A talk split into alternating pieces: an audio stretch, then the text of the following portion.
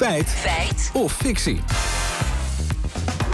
Ja, en daarvoor gaan we, Lieke, dus naar het Mexicaanse parlement. Ja, klopt. Want in Mexico is daar tijdens een parlementaire hoorzitting het lichaam van een niet-menselijk wezen getoond. En dat zou het bewijs zijn van buitenaards leven.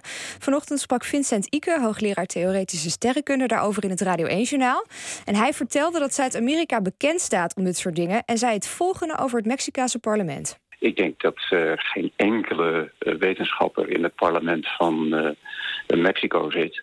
En dit, nee, dit hoeven we echt niet serieus te nemen. Oké, okay, geen enkele wetenschapper. Dus, dus dat zijn we gaan checken. Zeker, maar we vroegen ons af, hoe ziet dat Mexicaanse parlement er dan eigenlijk uit? Dat vroegen we aan Mexico-correspondent Jan-Albert Hootsen. Mexico is een federale republiek, uh, dus je hebt een, uh, eigenlijk een, een regeringssysteem met drie lagen. Dus gemeentelijk en dan deelstaat en dan federaal. Nou, we hebben het hier over de federale regering in Mexico. Uh, of de federale legislatieve tak van de, van de regering. En die bestaat uit het Huis van Afgevaardigden of de, zoals zij dat hier noemen, de Kamer van Gedeputeerden. Dat zijn 500 mensen. En dan heb je de Senaat, die bestaat uit 128 mensen.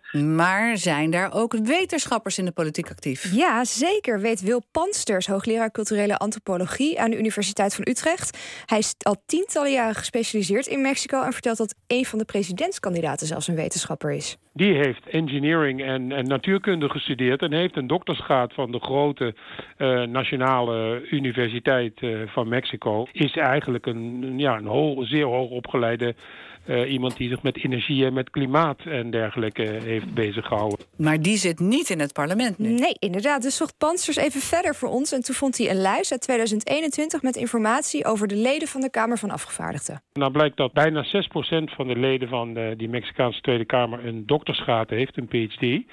Dat wil dus zeggen de hoogste academische graad die er is, uh, internationaal gezien.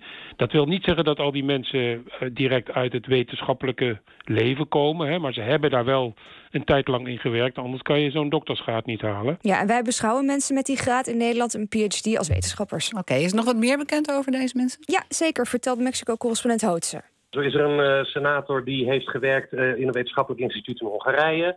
Uh, zijn er een aantal senatoren die, een, die doctor in de wetenschappen zijn. En ook een aantal gedeputeerden. Ja, de meeste zijn docenten, politicologen of advocaten. Maar ja, hoe goed of hoe hoogstaand is de wetenschap in Mexico? Nou, die is eigenlijk best wel betrouwbaar, zeggen beide Mexico-deskundigen die we spraken. Dus het argument dat ze van minder niveau zouden zijn, die gaat ook niet op. Oké, okay, dan naar Nederland. Dat is natuurlijk ook wel leuk om te weten. Want hoe zit het hier? Ja, daarvoor belden we parlementair historicus Bert van der Braak. Hij vertelt ons dat we in Nederland zes gepromoveerde Kamerleden hebben. Onder wie Pieter Omtzigt, die we al in de uitzending hadden, en Thierry Baudet. Ja, is ook niet heel veel dus. Maar ja, goed, wat zegt het of hoe belangrijk is het om hoogopgeleiden in een parlement te hebben? Ja, dat legden we voor aan Carla Hoetink, universitair docent parlementaire geschiedenis aan de Radboud Universiteit. Daarvoor moet je toch terug naar de vraag ook, waar is nou eigenlijk een parlement voor? Wat is de functie van een parlement? Natuurlijk is het de volksvertegenwoordiging en het volk moet zich ook herkennen in haar volksvertegenwoordiging. Maar aan de andere kant is het ook een gremium uh, wat het kabinet moet controleren, uh, wetten moet maken en hele lastige vraagstukken moet aanpakken. En daarvoor heb je natuurlijk ook wel mensen nodig uh, die over de capaciteiten beschikken om die vraagstukken ook echt te kunnen behandelen. Oké, okay, weten we dat. Marlieke, uh, feit of fictie? Er zitten geen wetenschappers in het Mexicaanse parlement. Nou, als je ervan uitgaat dat mensen die een PhD hebben wetenschappers zijn, en dat, uh, dat doen we, die zijn die wel degelijk vertegenwoordigd onder de Mexica Mexicaanse parlementariërs. Dus het is fictie. Oké. Okay. Dennis Mooijs,